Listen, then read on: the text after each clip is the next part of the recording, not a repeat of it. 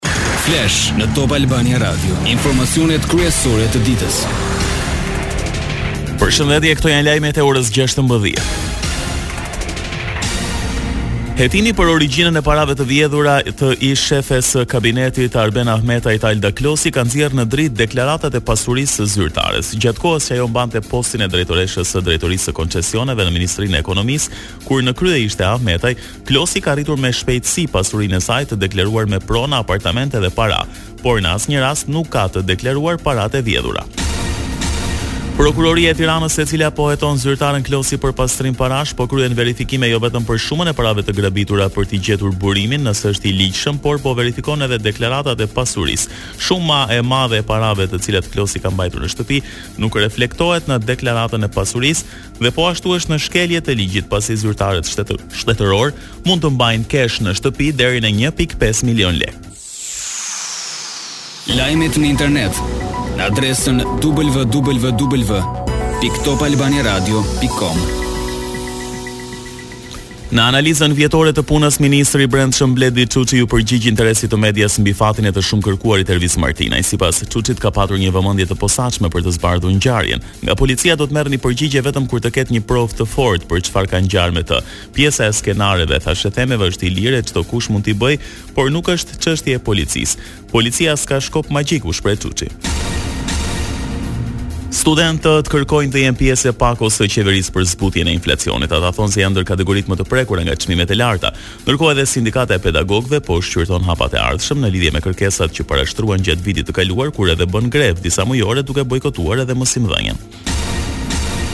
Mungesa për gati dy vite e epidemive të gripit për shkak të COVID-19 ka bërë që këto muaj të ketë një shpërthim të vërtetë të infektimeve. Të miturit po preken më shumë sepse nuk kanë imunitet. Në ditët e para të këtij viti të dy mijë e njëzet e tretë janë rreth një mijë e treqind e shtatëmbëdhjetë thirrje dhe misione të bëra vetëm për probleme respiratore dhe temperaturë të lartë, që janë të lidhura me praninë e tre viruseve që janë tani ose po sidomos shfaqja e asaj sëmundje që është më e shpejtë, më bruske, me temperaturë të lartë, me temperaturë që zgjat për disa ditë, me dhimbje, me dhimbje fyti, kolla, kullim hundësh, dhimbje të përgjithshme. Kështu që kjo është një simptomatologi tipike e gripit më shumë sesa e Covidit. Shefi i Shërbimit të Urgjencës Kombëtare Skënder Brataj thotë gjithashtu se nuk duhet vrapuar menjëherë në spital, sepse rrezikojmë që të marrim viruse dhe viroza të tjera.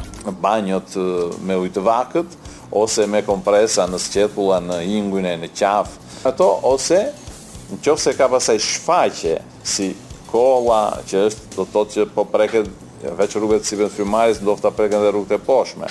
Kolla me sekrecione, e mundimshme, mungesa e frymëmarrjes, dhimbja e gjoksit, diarreja e zgjatur, këto janë shenja persistente që të çojnë drejt, po jo se pati dy tre shkarkime fëmija ta çojmë vrap në spital. Sepse do shkojë me një virus dhe do mund të marrë dhe një tjetër në spital, sepse spitali është vendi i qarkullimit të viruseve dhe të mikrobeve, të cilat shkaktojnë infeksione të ndryshme.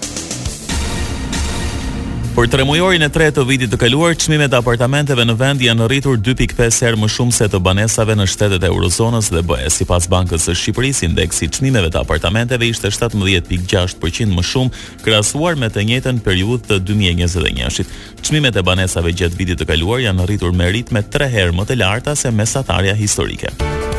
Lajme nga rajoni. Këshilltari i lartë i Departamentit të Shtetit Derek Çolet gjatë vizitës në Shkup konfirmoi partneritetin strategjik me Maqedoninë e Veriut ndërsa theksoi nevojën për luftimin e krimit të organizuar në veçanti në sistemin e drejtësisë. Detajet u konfirmuan nga kryeministri maqedonas Kovaçevski pas takimit që zhvilloi me zyrtarin e lartë në Shkup.